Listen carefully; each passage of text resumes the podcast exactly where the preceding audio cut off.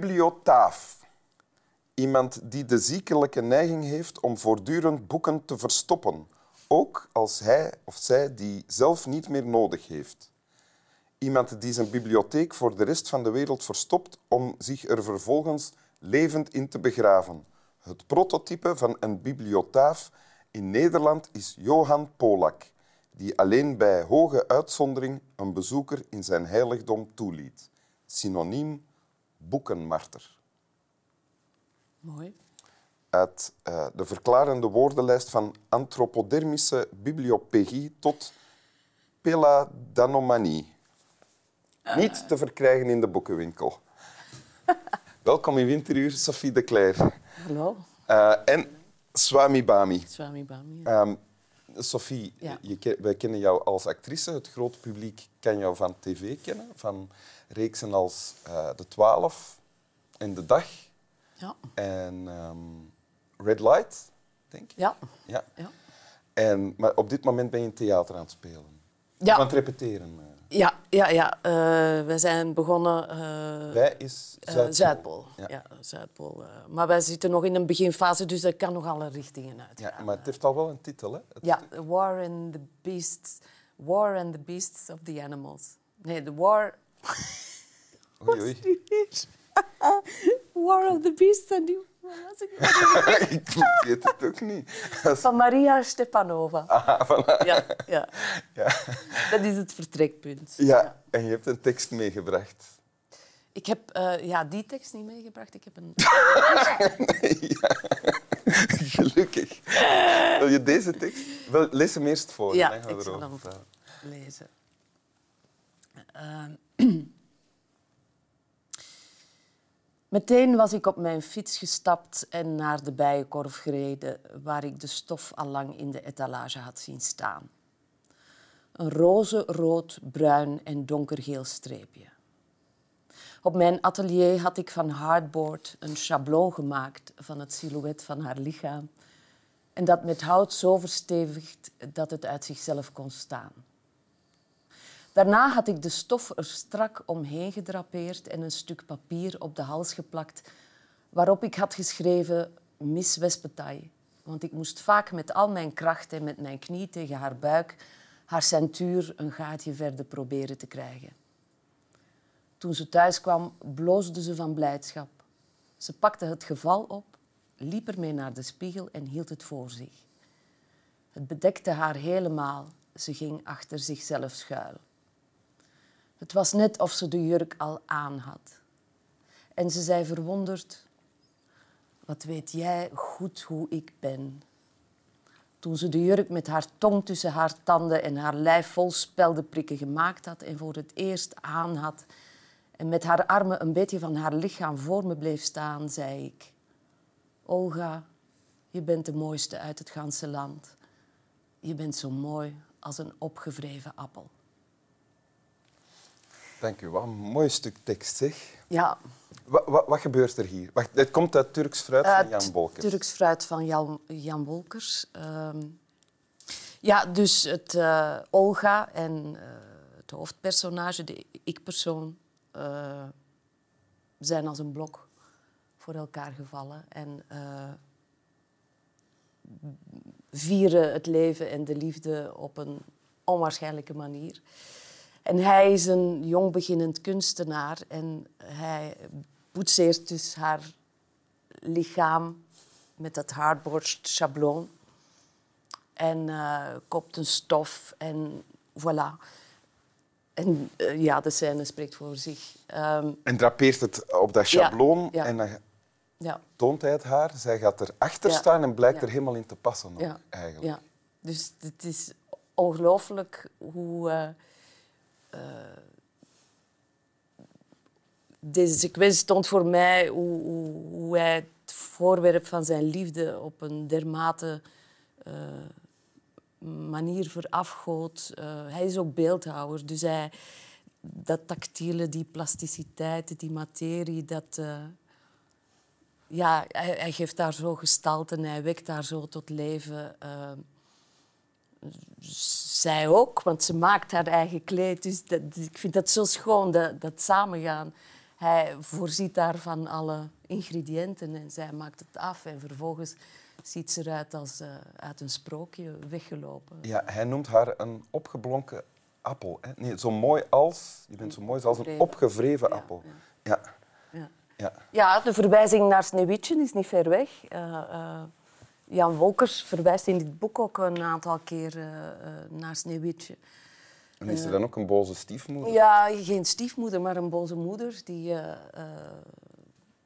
gaandeweg haar dochter, want dus Olga en de ik-figuur, ze trouwen. Uh, maar aangezien hij een jong beginnend kunstenaar is en een beetje bohemia-achtig leven leidt, dat ziet de moeder, uh, die een beetje conservatief is, uh, niet erg zitten. Dus die fluistert haar dochter andere woorden op. Ja. En dat gebeurt ook. En uiteindelijk... Komt het tot een breuk. Komt het tot een breuk en eigenlijk ook zijn grote woorden, maar uh, is het, wordt het een ondergang van Olga gewoon. Ja. Dus ze was beter gebleven bij, uh, ja. bij deze prachtige ik-figuur. Ja. En waarom heb je dit gekozen? Um, Wist je meteen dat je iets uit Turks fruit wou? Ja, dat, dat, uh, ja, eigenlijk redelijk snel. Ja. ja? Ja. Hoe vaak heb je het boek gelezen? Ik heb het twee keer gelezen. Dus ik heb het ene keer redelijk laat gelezen, omdat ik heel lang ten onrechte waarschijnlijk dat boek nooit heb willen of durven... Door de film? Door de film, dat daar zo ja, iets rondhing van dit boek. Dat gaat alleen maar over seks en ruige seks. En dat is ook zo. Er wordt... Uh, komen zeer expliciete seksscènes in voor. En, en soms uh, ook op een niet altijd aangename manier.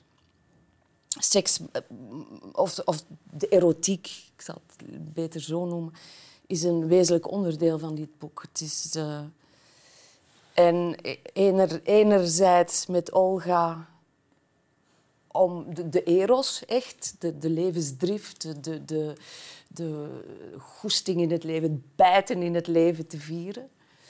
Anderzijds... Dat zit in dit fragment, hè? Ja. Ja, ja. ja.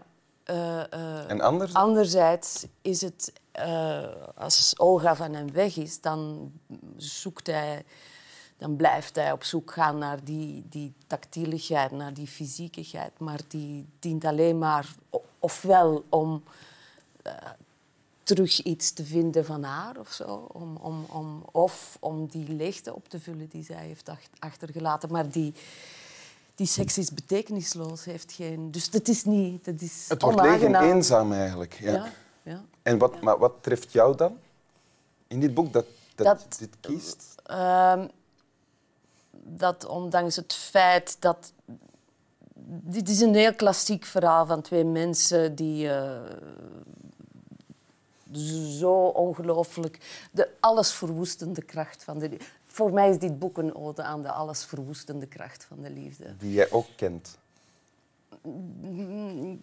Ik denk dat ik eh, redelijk uh, passioneel in het leven sta, maar in alles gewoon. En gulzig ook. Dus ik herken dat wel zo. En je kan daar heel ver in gaan. En, en dat je de zaken een beetje opbrandt of zo. Dat, gebeurt. Dat gebeurt hier ook. Uh, op zeker moment is een hele mooie zin ook. Uh, schrijft een vriend van de ik-figuur een brief aan hem. Jullie waren beestachtig gelukkig en daar is gewoon een einde aangekomen. Dus dat is, ja, dat gebeurt dan. Ja. Maar ondanks dat feit, uh, ondanks het feit dat Olga van de regen in de drop gaat en, en van de ene man naar de andere zwalpt op zoek naar iets wat ze wellicht nooit zal vinden.